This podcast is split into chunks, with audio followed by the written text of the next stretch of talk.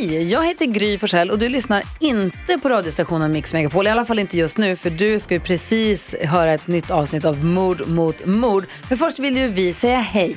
Hej, hej, det här är NyhetsJonas. Det här är Carolina Widerström. Och här är Gullige Dansken. Ja, och så Gry då. Och det vi vill säga att när du har lyssnat klart på den här podden, då får du gärna lyssna på våran. Vi spelar in ett nytt avsnitt varje morgon av våra podd Kvartsamtal.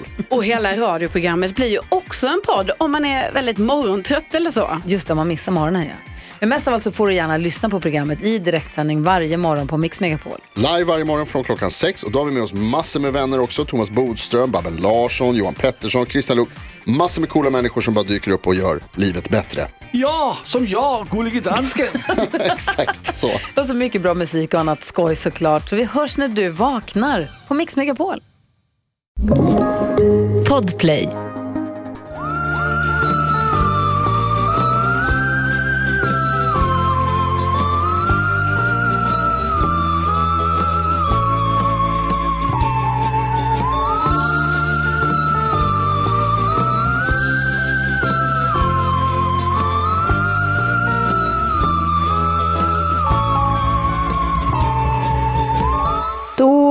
Önskar vi väl bara alla hej och hjärtligt välkomna till veckans avsnitt av Mord mot mord. Verkligen. Grattis på onsdag eller torsdag. Precis. Beroende på var du lyssnar. Ehm, hur mår Hur är du? läget? Jo men det är bra. Har du liksom, hur mår du? Har du hämtat dig från eh, livepods eh, eh, situationen? Kanske inte helt ska jag väl säga. Det var en resa. det var det verkligen. Men vi får väl säga tack till alla som kom. Det var ju så mysigt. Det var faktiskt jätteroligt. Det var jätte, jättekul. Och jag längtar verkligen till Göteborgs eh, podden nu. Det ska bli så mysigt. Och då kommer det vara liksom riktig vår. Nu är det bara förkänning på vår. Tänk allt Just det. vår pirr som kommer vara i 29 maj. Kul att du är så jävla liksom, väderstyrd. Jag är verkligen det och jag är väldigt tänd på våren. Ja, ja. Men då kommer det nästan vara sommar. Eller? Jag vet. Ja. Ja. Första juni blir det väl sommar eller? Det tror jag nog. Så då kan man komma och fira in sommaren med oss helt enkelt. Nej men det var ju eh, otroligt roligt och typ att jag hade liksom glömt bort eh, på förhand hur, alltså, hur kul jag var så himla nervös att du vet att jag hade liksom glömt bort att det, att det var jätteskoj. Fattar du vad jag menar? Mm, jag förstår precis. Och sekunderna innan man går upp på scenen Nej. så glömmer man ju verkligen bort att det är jättekul. Då vill man bara ja. ställa in. Ja, ja gud, nej gå hem, alltså verkligen. Verkligen så. Så jag är väldigt glad att vi, att vi inte gjorde det. För att så fort man gick upp så var det jätteroligt. Då var det jättekul. Ja, det var, Det var jätteroligt. Det var jättemysigt. Mera då? Annars? Nej men jag känner verkligen, fan, nu blir det, det blir bra. Det blir väldigt bra här i livet. Livet generellt eller? Ja, alltså min eh, bebis har just börjat sova på nätterna. Oh, Eh, det är en turning point. Alltså det har varit helt, det var helt otroligt faktiskt. Eh, hon har varit, jag har ju sovit liksom två timmar i sträck i typ, ja, nästan åtta månader då. Tror hon bara vaknade en dag och bestämde sig? Eller har Hon gjort somnade en dag och bestämde sig. eh, nej, vi har ju inte gjort någonting. Hon har bara blivit större typ. Men så det är, ju en, det är ju en skillnad att inte ha sömnbrist konstant. Det är det. Ja, jag fattar det. Ehm, och sen så har också då Marcus, ehm, var, han gjorde sin sista föreställning av sin soloföreställning i lördags. Så det var så himla himla bra. Och nu ska vi vara föräldralediga tillsammans ett tag. Så det känns Så liksom, mysigt ju. det är ett sånt pirr Anna. Det är ett pirr. Eh, så jag känner mig väldigt glad faktiskt. Hur mår du? Vad kul. Nej men jag mår bra. Ja, vi har ju äntligen fått flytta in i vår nya lägenhet. Jävlar. Ja. Och det äntligen. kommer, bli, det kommer bli fantastiskt. Just nu är det ett total haveri eh, där hemma. Men eh, vi flyttade ju in igår så det kanske inte är så jättekonstigt i och för sig. Men, det, det eh, suger ju att flytta. Det gör ju verkligen det. Och man, det det, enda som gör att man typ gör det överhuvudtaget. Nu var det inte ens så länge sedan jag gjorde det sist. Men annars så är det ju lite som du vet som folk säger om att typ föda barn. Att man bara, ja man glömmer, Man glömmer bort, bort. Man glömmer bort hur det var. Så därför kan man göra det igen. Jag vet. Vi Eh. har inte glömt. Det är det som är det sjukaste. Nej. Men ehm, det, det kommer bli himla fint och det kommer bli jättebra. Så vi är jätteglada för det. Jag längtar tills vi Men- får komma dit och äta deconstructed key lime pie. Med kaka i det ska botten. du få. Kan jag få det? Det ska du få, absolut. Okej, bra. Eh, vi får se om vi har kvar Oscars dessertglas. Det kanske ni inte fick i sist. Alltså när, vi, när vi flyttade ihop på riktigt, liksom, när vi eh, köpte vår i- lägenhet tillsammans. Då visade det sig att Oscar har liksom såna du vet, dessertglas som eh, de kanske har så i Mästerkocken. du vet med lite så här fot och... Jag gillar det. och ja, Alltså, men det var så himla otippat. Eh, men- Jag gillade det inte så mycket. Jag tyckte de var ganska Men ni, kan ju inte ha släng, ni kan ju inte ha slängt dem. Så de måste ju finnas kvar. Nej, de är kvar. De är kvar. Men de ligger risigt till i den här upppackningen. oh, att du börjar jonglera liksom. Ehm, nej, alltså ska jag vara helt ärlig så minns jag inte, vilket förstås har att göra med att vi drack fruktansvärda mängder vin. Så Ja. jag tror att jag liksom har nog glömt bort det mesta redan innan vi ens kom dit, förutom att det var väldigt gott. Mm. Deconstructed Key Lime Pie. Ja, det ska bli väldigt mysigt att få ta dit er. Ja, Och så kan Sally och Sigrid leka i Sigrids nya rum. jag börjar gråta. Väldigt mysigt. Det kommer bli toppen. Och jag tänker att man bara får tänka att ja, nu är det en övergående pissig period.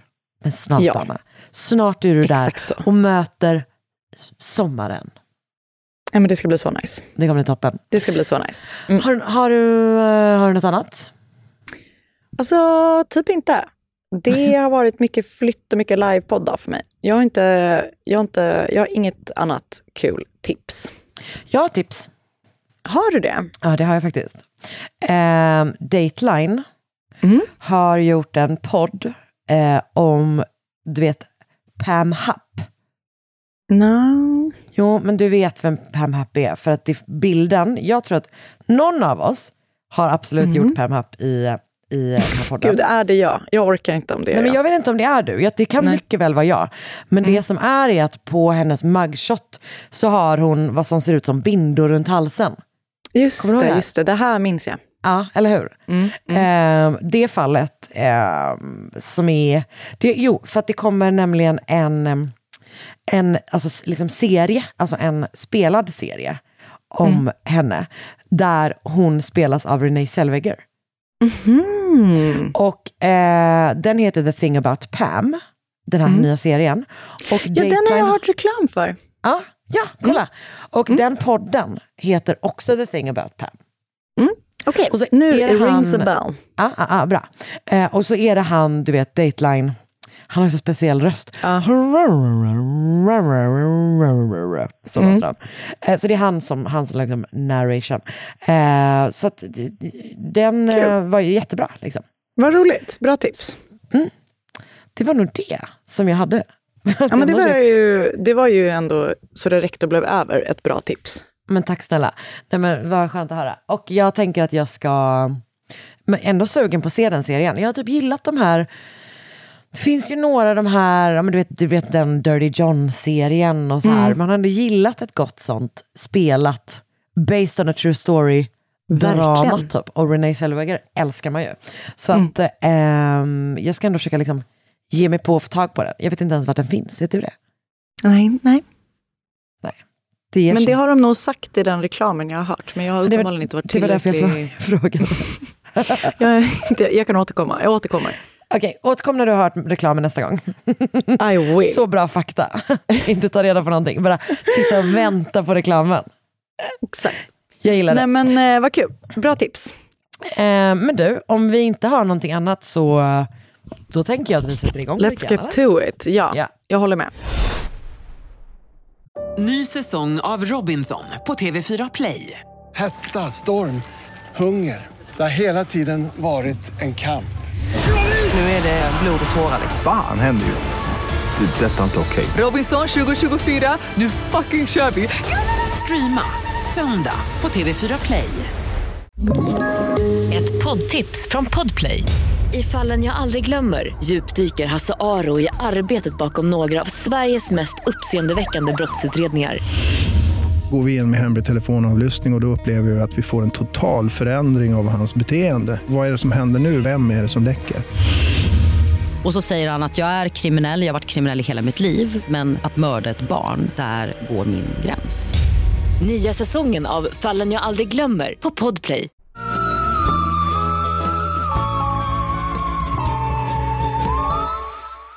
I februari 2015 matchade Kendra Hatcher med Ricky Panigua på Tinder. Hon var 35 år gammal och arbetade som barntandläkare på Smile Zone i Dallas. Hon bodde i så kallade Uptown Dallas på eh, Gables Park 17.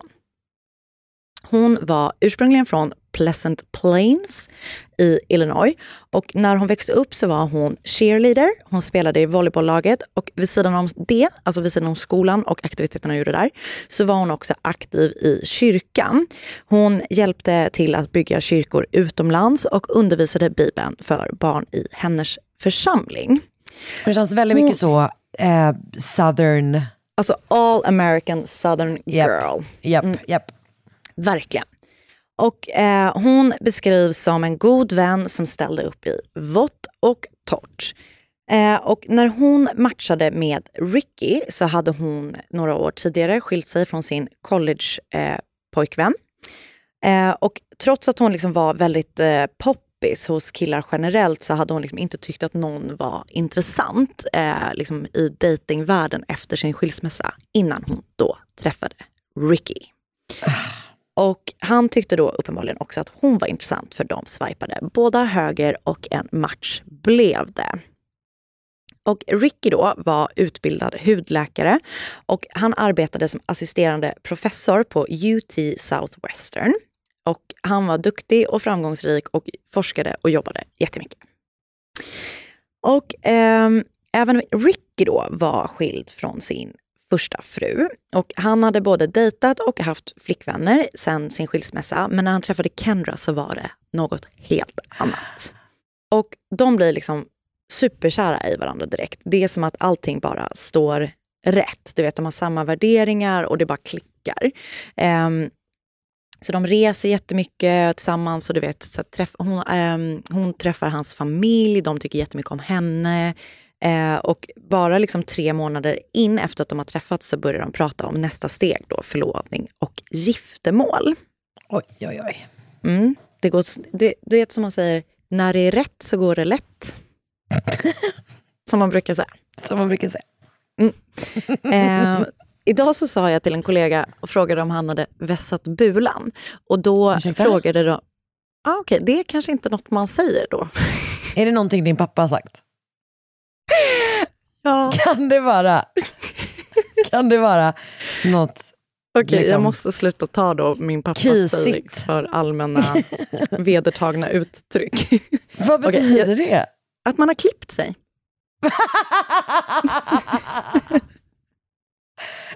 Okej, då, det förklarar då folks Alltså, reaktion. Att jag ingen fattade säga- vad jag menade. Nej, Mm. vet du vad jag trodde att du... Alltså, vet, vet, du om jag, fick, jag hade fått gissa vad det betydde Mm. så Mm. hade jag trott att det betydde typ att man var liksom på alerten. Typ. Förstår du vad jag Ah, menar? okej. Att Det är som att Mm. man hade vassat, hjär- vässat hjärnan lite grann. Men det Jag var fattar. inte då, utan det var då frisyr. Okej, precis. Ja, det var helt rätt. Okej. eh, okej. Så i början på september 2015 så ska Kendra och eh, Ricky åka på semester. Bara de två. Och de ska åka till Cancun. Men dagen innan, alltså den 2 september 2015, så blir Kendra skjuten i huvudet i sitt garage på Gables Park 17. Okej. Och det här kommer då såklart som världens chock för alla runt omkring. Kendra har inga fiender eh, och och hon blir liksom då skjuten i lägenhetshusets egna garage. Du vet. Det är liksom kod och det är övervakningskameror och sådär.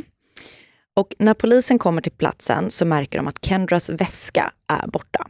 Så polisen utgår först från, att, eh, från teorin att det är ett rån eh, som har då liksom gått snett och eh, rånaren har då skjutit Kendra. Mm. Men när de börjar utreda vidare så inser de snabbt att så inte är fallet. De börjar arbeta efter en helt annan teori. Den nya teorin är att en hitman har mördat Kendra på uppdrag av ingen mindre än Rickys för detta flickvän Brenda. Mm. Brenda Delgado då, som är Rickys eh, ex-flickvän. Vilket jävla såpanamn eller? Alltså, verkligen. Hon, har, hon och hennes familj har i alla fall flyttat till Dallas från Mexiko när Brenda var sju år gammal. Familjen eh, flyttade in i eh, Pleasant Groves som ligger också i Dallas. Och hennes pappa och mamma arbetade väldigt hårt för att ge sina fem barn ett bra liv i USA. Hon var väldigt tidigt inställd på att göra sig en karriär. Eh, hon var jätteduktig i skolan och hade som mål eh, att hon ville komma in på college och arbeta, liksom utbilda sig vidare. Men eftersom hennes familj inte hade då så gott om pengar och det är svindyrt att plugga i USA så eh, kunde hon liksom inte, det gick inte. Hon kunde inte det, det fanns liksom inga pengar för att betala för hennes utbildning. Mm. Så hon började istället arbeta själv på olika extrajobb och så småningom kunde hon börja en kurs för att bli eh, tandhygienist. Eh, så hon eh, började, liksom, hon bodde hemma hos sina föräldrar när hon började plugga, eh, men flyttade så småningom in eh, till några vänner som lät henne bo i ett gästrum. Och när hon bor där då så träffar Brenda och Ricky varandra på Tinder eller någon annan datingapp som fanns 2012. Match.com. Till exempel. Kanske. Och deras första dejt är på en Jennifer Lopez-konsert. Vilket jag bara kände, wow, Dröm. vilken första dejt. Mm. Ah, wow. Ehm, och de blev liksom väldigt kära också. Eh, och ehm, efter tre månader efter de har träffats första gången så frågar Brenda om hon kan få bo hemma hos Ricky. För att hennes vänner som hon har bott, hos, bott hemma hos har sagt att de gärna ser att hon ser sig om efter någon annanstans att bo. Mm. Och när Ricky får frågan så säger han liksom ja, hon, han vill jättegärna att hon flyttar in hos honom. Och allt går liksom bra. Det, de gör härliga saker tillsammans. De får träffa Brendas föräldrar, eller han får träffa frä- Brendas föräldrar och hon tar med honom till sin familj i Mexiko och får träffa dem och sådär. Mm. Och ungefär ett år in i deras relation så blir Brenda gravid, eh, men de bestämmer sig för att inte behålla barnet. Och eh, det verkar liksom vara ett gemensamt beslut att de inte är redo för det. Men de fortsätter liksom relationen som vanligt efter det. Och de pratar om att gifta sig, hon får du vet en promise ring av honom och du Mm. vet så. Men ett drygt halvår efter det så gör Ricky slut. Eh, han är liksom inte redo eh, efter sin skilsmässa. Att så här, du vet, det går för snabbt. Eller jag vet inte exakt varför, men han gör, de gör i alla fall slut. Mm. Och hon blir liksom helt förstörd av det breakupet. Hon struntar i skolan i flera veckor och du vet, bara gör ingenting annat. Typ. Eh, men några månader efter att de gjort slut så råkar de av en händelse hamna på samma salsakurs. Ricky har bestämt sig för att han vill lära sig dansa salsa samtidigt som han då liksom vill träffa nya människor. Så då hamnade han där. Och så gör är- även då Brenda. Alltså vet du vad det känns lite som? Det känns lite som en typ eh, en liksom eh, l- lågbudgetfilm. Ja, jag förstår Att precis de vad hade du varit menar. typ så här, eh, liksom att de är så här I, I got two tickets to Jennifer Lopez typ. Och sen att de bara meet up again på en salsa class. Förstår Ja, du? exakt. Alltså, så Verkligen så. Ja. Mm. Helt rätt spaning. Ja. Och där på kursen då så du vet, dansar man så här, eh, du vet man turas om och dansar med olika personer i gruppen och till slut och så får ju de såklart dansa med varandra och sen börjar de så träna du vet, utanför kursen och du vet sådär. Så att det här leder då till att de börjar dejta igen helt enkelt. Och den här gången så flyttar hon inte in för hon har skaffat sig ett eget boende. Men hon blir ändå hon lirkar sig in ändå. För till exempel så, han betalar ganska mycket för henne. Eh, till exempel så låter han henne ha som ett underabonnemang till sin telefon. Och du vet, hon får nyckel hem till honom så hon bor där mycket. Men hon har ändå ett eget boende och du vet så. Mm. Så i några månader är de ihop igen innan Ricky gör slut för andra gången. Men trots då två breakups så fortsätter de att vara vänner och de springer in i varandra titt som tätt hela tiden egentligen. Är Så, du vet att de är så här, när han är ute och joggar så joggar de förbi varandra. Han är typ och köper kaffe, du vet sådana saker. Så eh, Mm. de, de har kontakt med varandra. Och dels för att de springer in i varandra men också att de har liksom som en friendly relation där de så här, hur är läget? Du vet. Mm. Så. De hörs lite grann liksom, och ses Exakt. lite grann då. Mm. Ja. Eh, men så träffar då Ricky Kendra och blir blixtförälskad i henne. Så han bestämmer sig för att han ska mejla Brenda och berätta om sin nya tjej. Eh, han säger då också att det är liksom dags för henne att hitta ett eget, eller skaffa sig ett eget mobilabonnemang och du vet, så här, lämna tillbaka nyckeln, du vet lite sådana saker. Han hade kunnat ta det IRL. Face to face. Ja, Eftersom de ändå sprang in i varandra. Det kan man tycka. Ja. Eh, men hon är bara så, ah, inga problem, låt oss liksom fortsätta vara vänner. Typ, good luck with that. Typ. Och kanske inte ens liksom good luck with that, det lät så himla så här. Men hon var liksom bara så här, ah, visst, fine by me. Allting jag säger låter sjukt bittert. Men du förstår vad jag menar. Jag förstår. Hon, Ehm. hon, allting i hennes språk verkar som att hon är helt lugn med det. Exakt, mer än vad jag framförde som. Svarar hon också på mail, det kan ha varit, då vet man i och för sig inte om det var Nej, det pass, passive aggressive e-mail eller bara ett neutralt. Svårt att veta. Exakt, det vet man inte. Helt rätt. eh, men det är då liksom bara inga problem när eh, Brenda liksom är, pratar med Ricky, eller vad man ska säga. För när hon är med sina kompisar, eller hon är liksom inte alls fine egentligen med att han Nej. har en ny flickvän. Eh, hon börjar följa Kendra, eller blir vän med Kendra på Facebook eh, genom något fejkkonto, du vet, och, och håller koll på allting hon gör. Och hon håller koll på allting som Ricky gör. Och eh, när hon dessutom då får ett mejl i augusti 2015 där Ricky säger att han ska flytta till Sacramento eh, för att liksom börja jobba där. Han hade bara varit och pluggat i Dallas egentligen och, han hade familj i eh, området i, runt Sacramento så han vill liksom flytta hem och du vet sådär. Eh, så, och när hon då förstår att Kendra ska följa med honom så eh, får hon nog. Hon du vet, skuggar Kendra i princip, håller koll på henne, vad hon gör. Hon har då också tillgång till information om var Ricky befinner sig, vad han gör eftersom hon då på något vis har du vet, tillgång, haft tillgång till hans typ Apple-ID. Eller du vet, så här. Hon har stenkoll på vad de gör. Så hon börjar liksom helt enkelt bara eh, alltså stalka dem. Typ. Så är det, typ, är det därför hon kanske, de kanske sprang på varandra lite Exakt. ofta innan också? Jag fattar. Precis så hon så. har liksom vetat vart hans mobil är hela tiden? Ja, och du vet, det sägs att hon visst, du vet, så kunde logga in på hans eh, appar, du vet, datingappar och du vet, så att hon raderade match, matchningar innan han du vet, hon, hon har liksom haft stenkoll på hela Ah. hans eh, privatliv. Liksom. Eh, och följer då honom genom den kanalen, eller man ska säga, och Kendra genom hennes sociala medier. Mer liksom sådär. Ah. Och utöver då att hon skuggar varje drag som Kendra och eh, Ricky gör så pratar hon också med flera kompisar om dem. Och hon, hon frågar också flera kompisar om någon har en, någon idé om hur hon kan hämnas på Ricky. Och med vissa går hon så långt att hon till och med frågar om någon vill eller om de vet någon som vill eller kan tänka sig att hjälpa henne att hota, skada eller döda Ricky, men främst Kendra. Det är här man som vän har ett ansvar. Det vill jag ändå vara tydlig med. Verkligen Att man bara kan vara så här, vet du vad, kanske inte hålla på och hämnas så mycket, kanske inte ståka, kanske mer typ så, go to therapy. Alltså Ett verkligen. litet annat förslag. Typ så här, nu dricker vi för mycket, vi för mycket vin ikväll och imorgon är det du som ringer en psykolog. Exakt så. Så Bra som Karin. hanterar ledsna personer. Exakt så. Helt rätt. Du har helt rätt.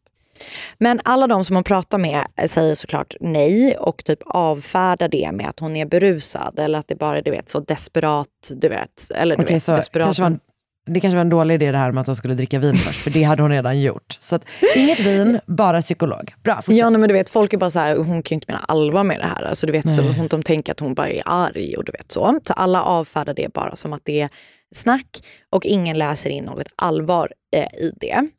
Men hon bodde med en tjej som heter Jennifer och hon var då en av dem som hon fick, fick hon, hon var en av dem som fick höra mycket om hur liksom, arg eh, Brenda var på Kendra och Ricky.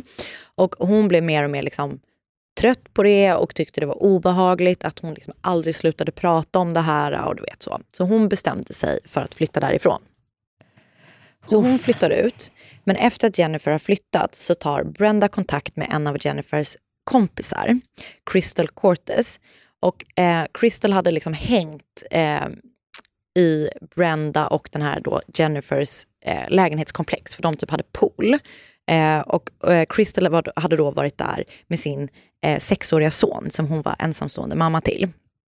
Hon bodde i ett lite mer rough område av Dallas tillsammans med sin antingen farmor eller mormor. Så eh, Brenda liksom approachar henne efter att Jennifer har flyttat ut och de blir då kompisar. Och Crystal eh, har berättat att hon nästan liksom såg upp till Brenda för att hon verkade ha koll på läget. Du vet, hon körde en fin bil, hon hade så här snygga kläder, hon eh, du vet, betalade för henne när de var ute åt middag och sådär. Mm.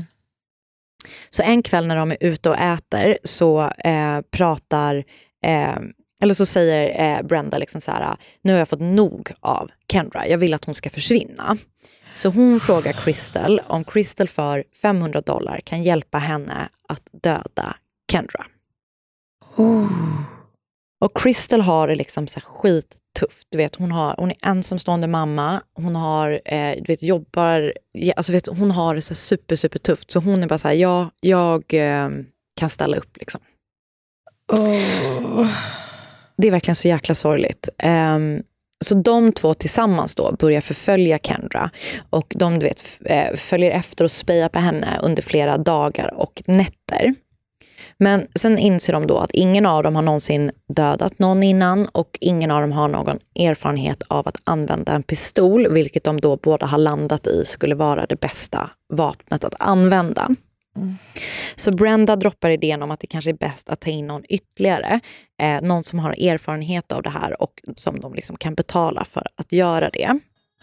Så de är liksom ute och du vet, kör runt typ en kväll och så här, i, i Crystals område för att se om de hittar någon som de liksom tror kan hjälpa dem.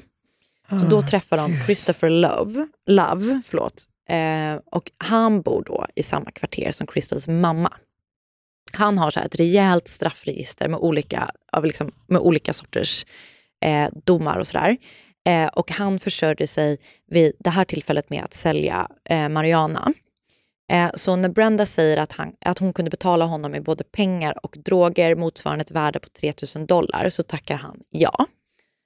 Så han eh, skaffar en pistol och Brenda då i något konstigt försök att liksom försöka hjälpa honom, eller konstigt, ett försök att hjälpa honom, eh, googlar om det finns någon som kan sälja en ljuddämpare till hans pistol och köper ett par handskar till honom som han kan på sig när han utför dådet. Så de bestämmer sig då att det måste ske den 2 september, alltså dagen innan Kendra och Ricky skulle resa till Mexiko. Så när de då planerar för det här så säger Brenda så här, jag lånar en bil. Liksom. Jag ser till att ni har en bil som Crystal kan köra. Så hon lånar en bil eh, som är en guldig BMW. Men den funkar inte. Så hon, eh, den 2 september, så funkar inte den här bilen. Så hon åker till sin kompis José som har en bilverkstad och säger så här, kan du laga den här och låta mig låna en bil under dagen? Så det får hon göra. Hon får låna en svart Jeep Cherokee och så åker hon därifrån. Och så plockar hon upp Crystal och så kör Crystal Brenda till biblioteket där eh, Brenda ska plugga under dagen. Och efter att hon har lämnat Brenda på biblioteket så hämtar hon upp Christopher.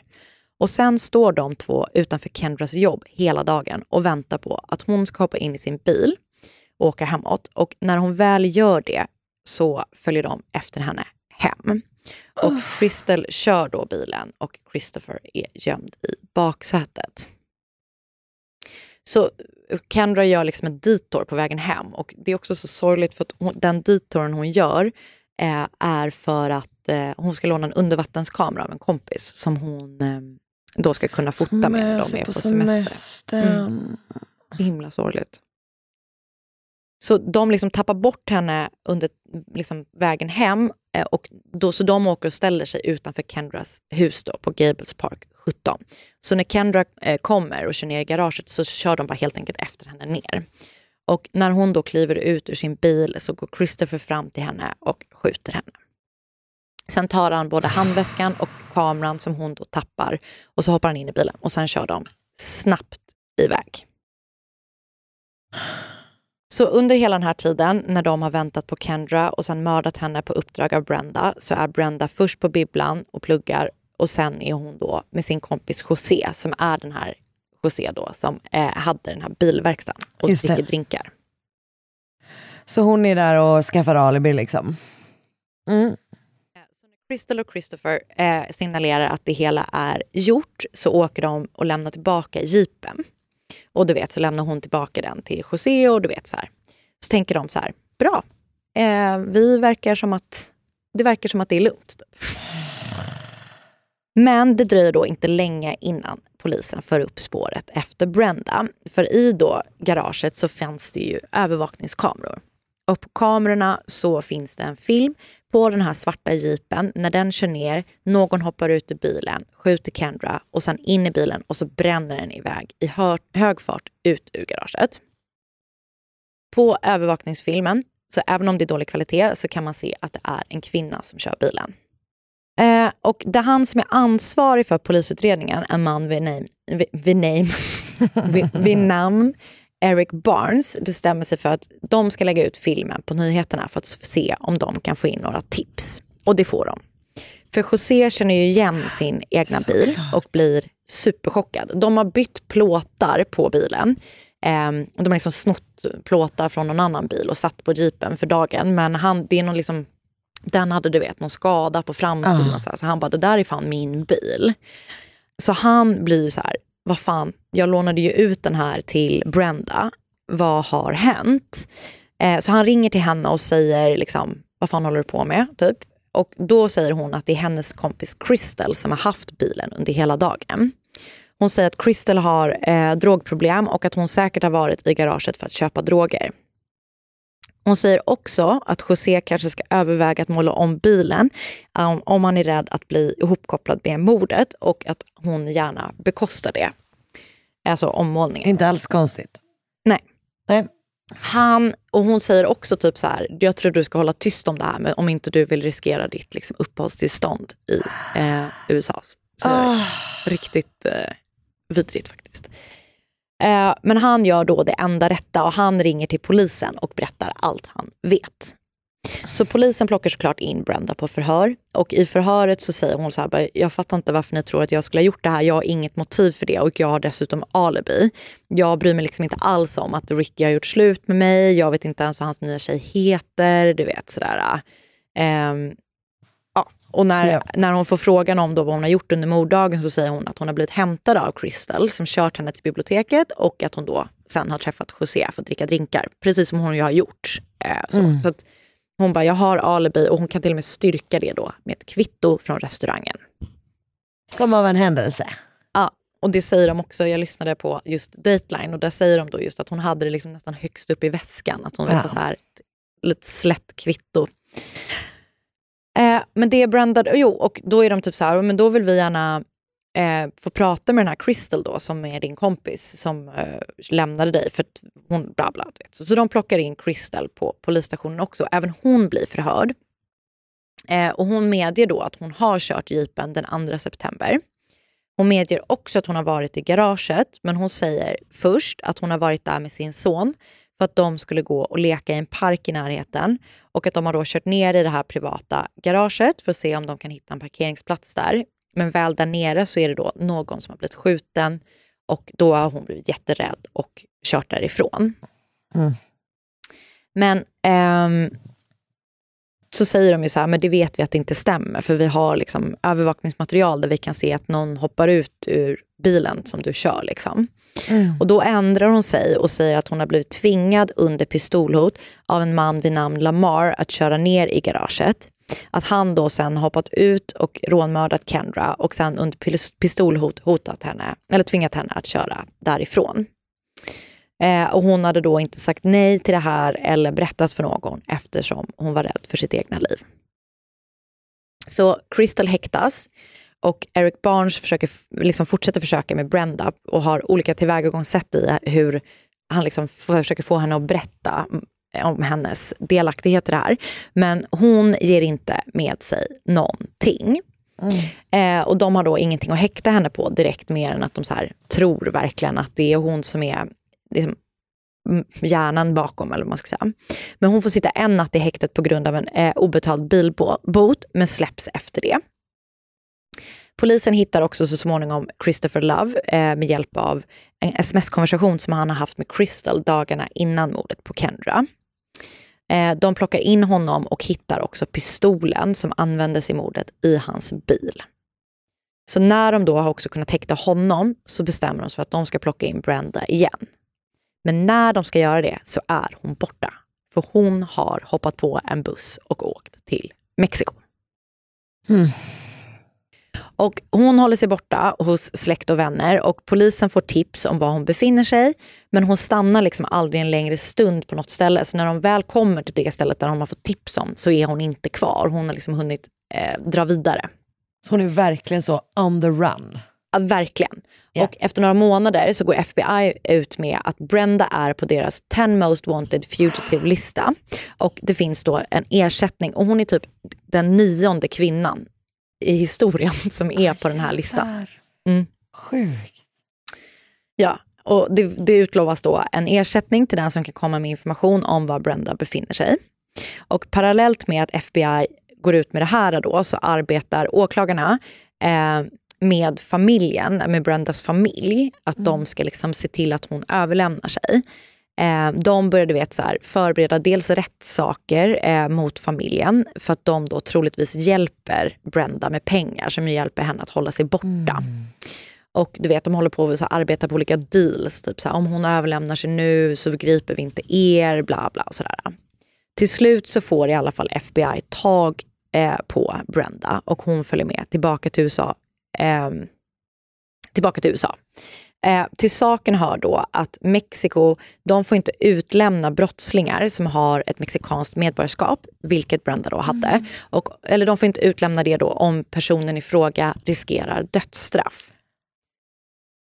Så åklagarsidan säger så här, nej men vi kommer inte yrka på dödsstraff utan vi kommer, vi, det ska, så, så då utlämnas hon tillbaka till USA. Eh, och åklagarsidan har ju då liksom inte ett vattentätt case mot Brenda, eh, så, utan för att det verkar som att Crystal liksom inte riktigt har, varken Crystal, eller- Crystal eller Christopher riktigt har, du vet, berättat exakt vad som hände. Men då börjar då eh, åklagarsidan eh, arbeta med Crystal och erbjuder henne då ett mildare straff om hon gick med på att eh, vittna mot Brenda och Christopher.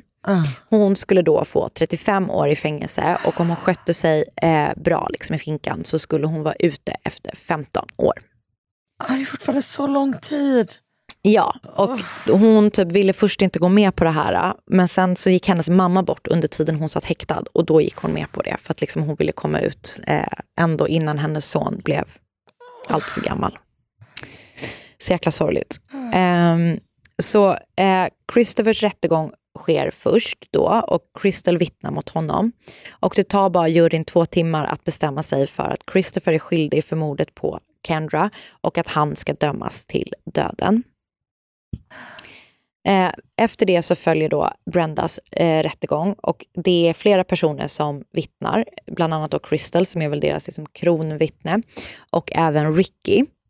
Och Brenda verkar helt oberörd under hela rättegången och tittar liksom varken på sin egna familj, tittar inte på Kendras familj, du vet, det är bara helt så här stonefaced typ. Fram tills då att Ricky vittnar, för då vill hon liksom söka ögonkontakt med honom och du vet, så här, men han är bara, tittar inte på henne alls. Han är väl, liksom, det måste ju vara som fruktansvärd känsla att, eh, ja. Ja, för att Ja. det blir ju på något sätt, alltså det är ju 0% hans fel att det här har hänt uppenbarligen. Nej exakt, men man skulle ju ändå känna sig Ja, exakt, för att det är, fin- det är liksom ändå han som är the, alltså, eh, kopplingen Kontakten, helt enkelt. ja. Ja, exakt. Åh, vad Nej, det är så jäkla hemskt. Ja. Ehm, men, och eh, precis. Så att ja, han vittnar och Crystal vittnar mot henne och berättar precis hur det har gått till. Och det är även då andra, typ den här Jennifer som hon bodde med. Det är många som vittnar liksom om de här sakerna som Kendra, eller som Brenda har ehm, Pratat du vet, om hon, det. ja, Exakt. Så att när juryn ska överlägga så tar det bara 20 minuter innan de meddelar att Brenda döms till livstid i fängelse utan någon chans till frigivning. Uff. Mm. Så, ehm, och ja, det är bara så jäkla sorgligt och i bland annat Dateline då som jag har lyssnat på så är det ju Brendas, äh, Kendras familj, du vet, det är, bara, det är bara så himla fruktansvärt. Du vet, de hade varit ihop jättekort tid och hon var jättelycklig och, och så här och så bara händer det här. Och så kommer en galning in. Det är så jäkla fruktansvärt. Ja, just när de, så här, jag tänker typ att de det känns som att de hade så en känsla av att de till slut hade hittat rätt, typ. rätt person att vara med och så här, nu Mm. kan det verkligen börja livet typ. Mm. Mm, sorgligt. Ja, så det var mordet på Kendra Hatcher. Och jag har läst eh, The Doctor, The Dentist and the Killer av Skip Hollandsworth på Texas Monthly. Fina Skip Hollingsworth, fan vad han skriver Ah. bra grejer alltså. Verkligen. Ehm, och så har jag läst eh, wo- eh, Woman flees to Mexico after she arranged the execution of her ex new flame av Benjamin H. Smith på Oxygen. Och så har jag lyssnat på Dateline och avsnittet heter 10 minutes to sunset. Ehm, och podden Invisible Choir och avsnittet där heter Obsession. Uff. Tack snälla du. Tack Karin. Ny säsong av Robinson på TV4 Play. Hetta, storm, hunger. Det har hela tiden varit en kamp. Nu är det blod och tårar. Fan händer just nu. Det. är Detta är inte okej. Robinson 2024, nu fucking kör vi! Streama söndag på TV4 Play. Ett poddtips från Podplay. I fallen jag aldrig glömmer djupdyker Hasse Aro i arbetet bakom några av Sveriges mest uppseendeväckande brottsutredningar. Går vi in med hemlig telefonavlyssning och, och då upplever vi att vi får en total förändring av hans beteende. Vad är det som händer nu? Vem är det som läcker? Och så säger han att jag är kriminell, jag har varit kriminell i hela mitt liv men att mörda ett barn, där går min gräns. Nya säsongen av Fallen jag aldrig glömmer på Podplay.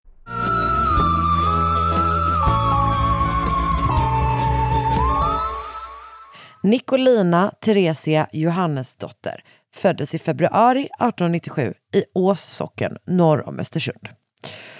Och hon var dotter till en norsk torpare som hette Johannes och en kvinna född mellan Sundsvall och Östersund som hette eh, Sigrid.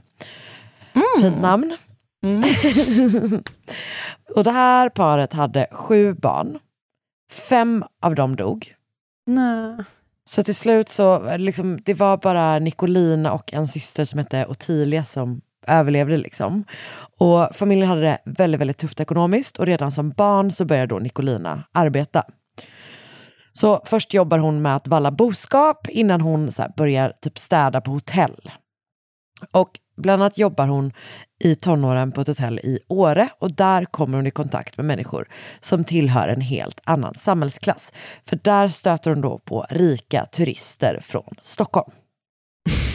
Och snart drömmer Nicolina om ett liv som är mer likt deras än de enkla liksom, torparförhållanden som hon själv kommer ifrån. Som 17-åring så får Nicolina anställning som hembiträde hos en rik homeopat i Östersund. Vad gör de? Är det såna... Alltså, Vad gör man då? Homeopati. Jag googlar nu. Tänk vad lite man kan.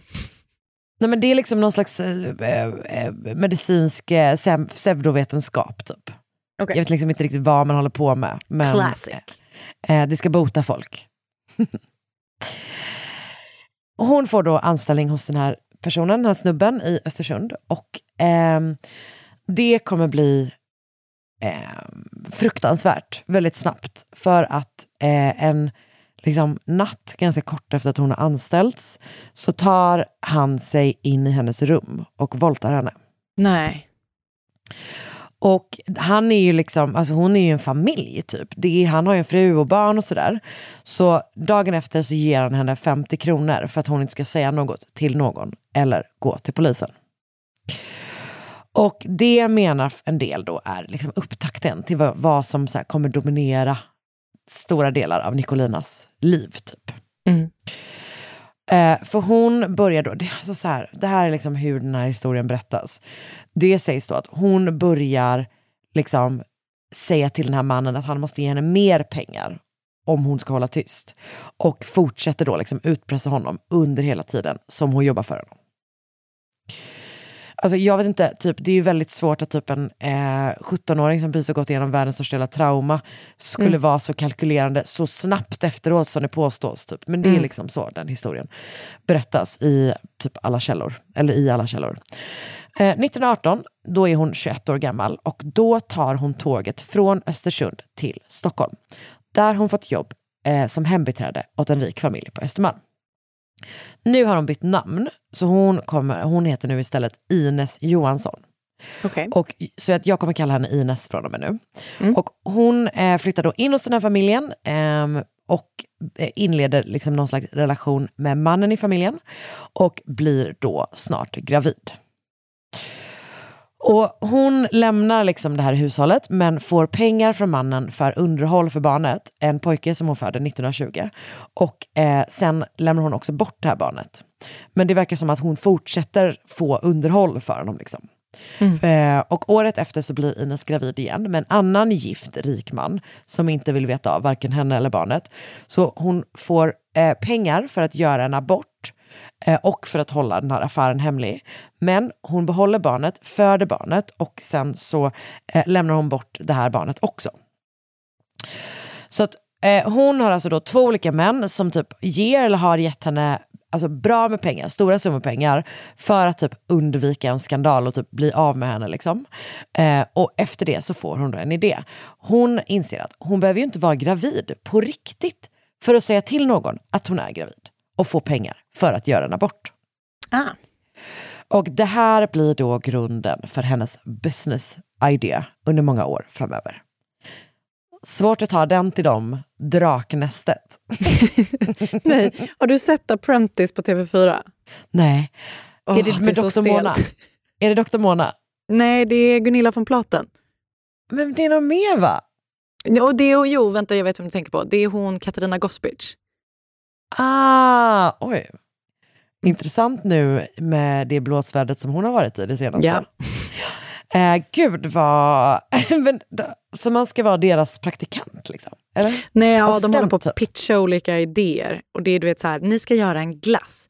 Ni ska uppfinna en ny dalbana till eh, Gröna Lund. Alltså det är sådana saker. Otroligt. Ja. Mm. Eh, och sen så bara, jag har en idé där eh, bara, ni ska komma på ett sätt att eh, få ut så mycket pengar av otrogna män som möjligt. Och då kommer Ines in. Eh, så Ines flyttar in, hon flyttar till ett pensionat på Norrlandsgatan i Stockholm, men inser då snart att eh, det här pensionatet är inget pensionat, utan det är en bordell. Och där finns bordellmamman Hanna Hedman och de börjar jobba tillsammans. Så deras offer är då liksom otrogna män från Stockholms överklass. Som på ett eller annat sätt går i säng med Ines. Antingen typ som en affär eller som att de betalar henne för sex. Och sen så, så först så ligger hon med dem liksom så, och sen så går det ett tag och sen hör de antingen från Hanna eller från Ines själv att hon har blivit gravid och att de måste betala för en då olaglig abort och för att deras fruar inte ska få veta någonting. Och sen kan de då fortsätta utpressa de här männen liksom, under lång, lång tid efter att det här har hänt. Det finns en del källor som säger att Hanna också smygfotade männen när de låg med Ines. Och att de använde det i liksom utpressningen. Sen så finns det också en annan kategori män som är de som verkligen så här, typ blir väldigt kära i henne, eller blir väldigt liksom tagna av Ines i alla fall. Ehm, och eh, det ger ju liksom ytterligare möjlighet till utpressning. Typ. Så att de håller på med den här, liksom, de verkar göra det här om och om igen. Och efter ett tag så utvecklar de affären ytterligare. Eh, genom att påstå att Ines har fått komplikationer efter de här påhittade aborterna. Och därför behöver hon pengar till läkarvård. Så ehm, då måste de liksom ge ännu mer pengar. Och för att bevisa då att det här verkligen stämmer så låter de ganska ofta männen liksom besöka Ines i sin sjuksäng.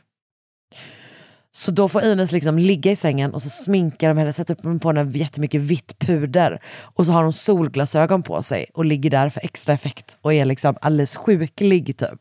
Och så får de typ ge henne mer pengar. Det här blir en extremt framgångsrik affärsidé. Alltså hon blir megarik. Hon köper bilar, hon köper lägenheter, hon köper hus. Hon har privatchaufför, hon shoppar sant? på NK. Alltså det går så himla himla bra för henne. Så ett exempel på hur mycket pengar hon kan tjäna på ett enda offer är en apote- apotekare som totalt ger henne 70 000 kronor i Jäklar. dåtidens pengar. Det är alltså typ 1,3 1,3 miljoner. Shit. Och det finns liksom många, många offer. Alltså bara inredningen i hennes lägenhet kostar 100 000 kronor. Det är liksom på typ så 1920-talet. Det är så mycket pengar. så att hon, alltså, hon gör, hon gör deg helt enkelt. Mycket jävla pengar typ. Det måste man Och- säga. Så 1931 så gifter hon sig med en man som heter Charles Magnusson och hon eh, heter då Ines Magnusson och det är under liksom det namnet som hon blir känd sen då. Och de lever tillsammans lite så sporadiskt under de åtta år som de är gifta. Det verkar vara lite fram och tillbaka, typ hur livet ser ut. Men Ines köper ett hotell till Charles som han får driva. Tydligen köper hon också någon slags eh, stuga till hans mamma. Så det är inte som, de har uppenbarligen en liksom nära relation, det är inte, det är inte så. Men eh, det verkar också som att de kanske äger typ en villa eh, tillsammans. Så att det är lite oklart. Men det är också så att under hela tiden så fortsätter Ines med eh, sina, sina affärer. Liksom. Så att hon fortsätter ha eh, eh, träffa olika män och sådär. Ehm, och eh, det här pågår ända fram tills att hon i slutet av 30-talet råkar ut för sin egen skit. För s- Hanna skaffar en flickvän som börjar utpressa Ines. Okej. Så den här kvinnan som har kommit in i Hannas liv, hon heter Tyra Pettersson och hon beskrivs som journalist. Men, alltså överallt står det att hon är journalist, men att hennes huvudsakliga business var utpressning. Så att det känns som man bara, är- journalistiken var bara mer av ett intresse typ. Eh, så att och en person som typ är ganska tacksam då att utpressa är ju Ines Magnusson. Eftersom hon både har gjort hur mycket skit som helst i jätte, jättelång tid och också har tjänat jätte, jättemycket pengar. Så eh, hon tvingas då i slutet av 30-talet sluta med det hon håller på med och betala Tyra en hel del pengar. Men hon har då alltså hållit på med det här i så 15 till 18 år. Så att hon hade nog en riktigt good run. Men ungefär då samtidigt som, eller ungefär samtidigt som det händer så tar också äktenskapet med Charles slut på riktigt och paret skiljer sig 1939. Så det ser helt enkelt inte toppen ut för Ines Nej. nu när det nya decenniet är på intåg. Men hon är ju en riktig hustler.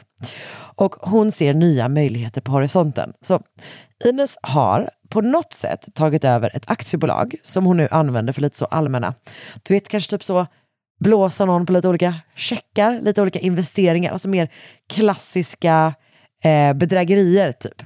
Det håller hon på med lite grann. Hon, alltså det går ändå så pass bra att hon har alltså skaffat, eller det behöver inte gå bra för det här kommer jag på nu. Hon, men hon har alltså kontor i alltså en av de här kungstornen, du vet, på Kungsgatan. Aha, wow. Ändå riktigt flådigt.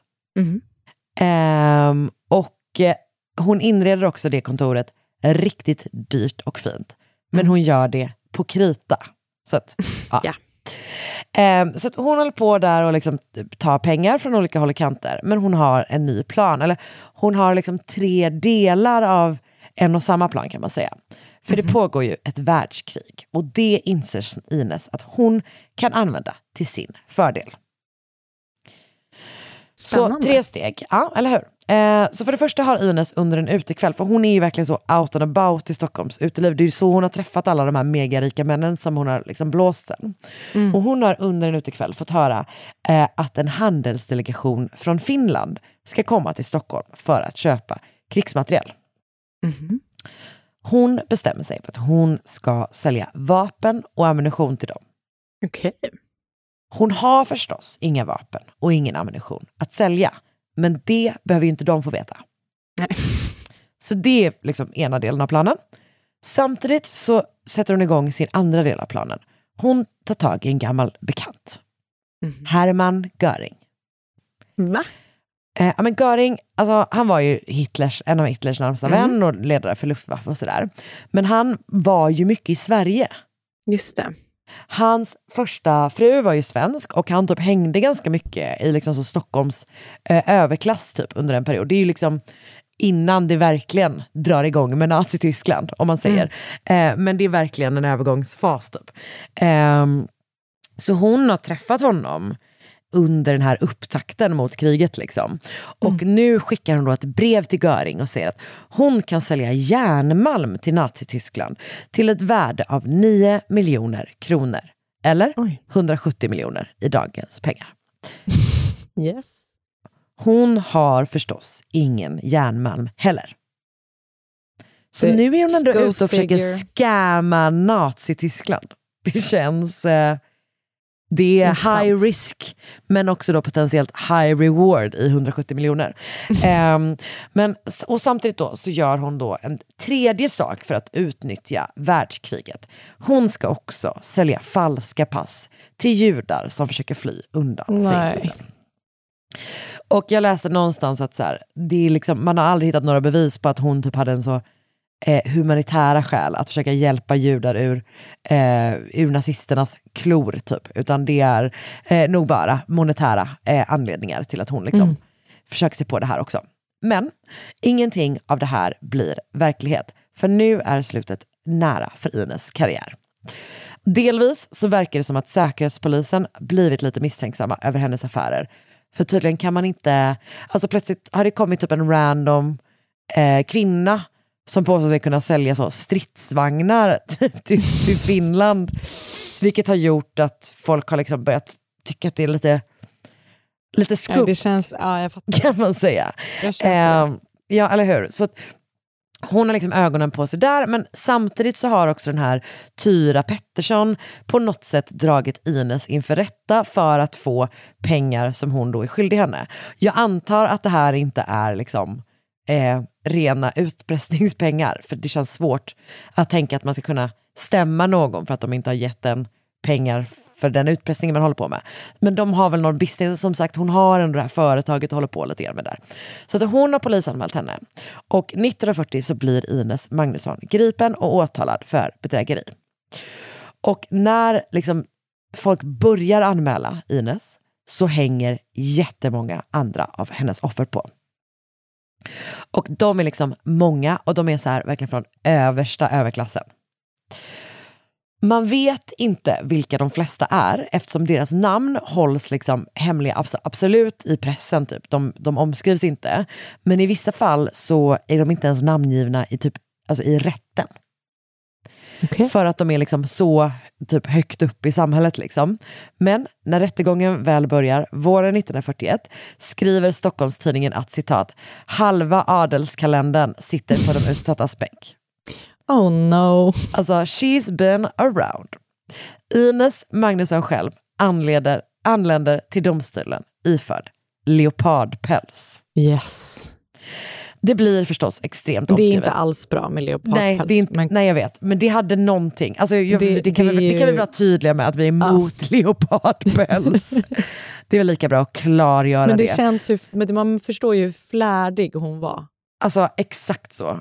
Det är verkligen, och typ även så här hennes, liksom att hon ändå tar det som en sån jävla show på något sätt. Ehm, och den här rättegången blir då extremt omskriven. Och Ines får smeknamn som Vampyren, men också Jaha. min egna favorit, Iskalla Ines. Den är svag. Ändå härligt. jag. Ja, jag gillar den. Jag tycker den- känns så himla mycket som en serietidning. Här kommer hon, Iskalla Ines. Vänta, vad var det du sa när, hon, klä- när man hade klippt håret? Vässa bulan. Oh, och dagen till ära har Iskalla Ines vässat bulan. Så känns det. Jag fattar vad du menar. Japp.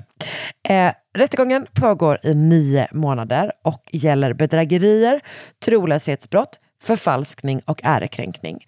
Och under den här liksom processen så presenteras bland annat psykologiska undersökningar av Ines. Och i ett utlåtande beskrivs hon som citat, en psykopat med grova moraliska defekter. Hon verkar också vara ganska oberörd av alltihop. Alltså hon får vid något tillfälle frågan om hon, om hon hade fått pengar. Alltså, det här handlar då om att hon har ljugit för en person och sagt att hon varit gravid. Liksom. Då får hon frågan så här, hade du fått pengar även om du inte hade ljugit? Vilket jag förstår inte riktigt typ, vad den frågan har med någonting Nej. att göra. Men då svarar hon i alla fall. Jag skulle ha fått pengarna även om jag hade talat sanning. Men det skulle kanske ha gått långsammare. Domen är på 4 000 sidor. Och Åh, Ines döms för 15 åtalspunkter. Straffet blir fem och ett halvt års straffarbete på Växjö kvinnofängelse och ett skadestånd på 75 000 kronor. När hon leds ut från rättegången vänder hon sig om och bugar. Ines Magnusson beräknas ha lurat till sig 3 miljoner kronor. Åh jäklar. Det är alltså 57 miljoner. Alltså det är så mycket pengar. Ja, det är så mycket pengar. Det är verkligen helt absurt mycket Mm. pengar. Hon friges 1947 och tillbringar sina sista år i enkelhet innan hon dör av cancer 1953. Efter att hon har dött så hittar man ett kort bredvid hennes säng. Ett kort som ser ut att komma från en blombukett. Man vet inte med vem, det, vem som har skrivit det, men man tror att det kommer från ett av hennes offer. På kortet står det Var det värt att bli fattig för din skull? Jag är benägen att svara ja. Oj. Så det var då Iskalla Ines, Ines Magnusson, som är ju en av typ så Sveriges liksom värsta kvinnliga bedragare och en sån sol och vårar-typ. Typ. Aldrig hört. Vad spännande. Jag har då lyssnat på Stockholms kvinnohistoriskas podcast Kvinnans plats och avsnitt, avsnittet om Iskalla Ines. Eh, jag har läst artiklar om Ines på Aftonbladet och på underbara Allers skrivna av Svante Lidén respektive Hasse Genger och även en på toppensajten hemtrevligt.se av Andreas Jämn. Sen har jag läst på jämtlandskvinnor.fandom.com och även på Wikipedia. Och sen har jag förstås använt mig av Stati- Statistiska centralbyråns underbara valutaomvandlare. Shit, vad spännande. Det var det. Jag aldrig hört. En liten, en liten god bedragarhistoria. Eh, Det kan man ju aldrig tacka nej till. Nej, eller hur? Så är det. Ehm, och eh, vi får se vad vi bjuder på nästa vecka, helt enkelt. Det, alltså verkligen. Tack för den här veckan. Tack för den här veckan. Eh, om ni vill se bilder, eh, finns goda bilder på Ines kan jag säga. Eh, så kan man ju gå med i vår Facebookgrupp, Mord och Ja. podcast. Och eh, Gör så det. kommer det upp bilder där under, under veckan. Och sen hörs vi igen nästa vecka. Det gör vi. Tack för idag. Hej då! Hej då! Ny säsong av Robinson på TV4 Play. Hetta, storm, hunger. Det har hela tiden varit en kamp. Nu är det blod och tårar. Fan händer just. Det. är Detta är inte okej. Robinson 2024, nu fucking kör vi! Streama söndag på TV4 Play.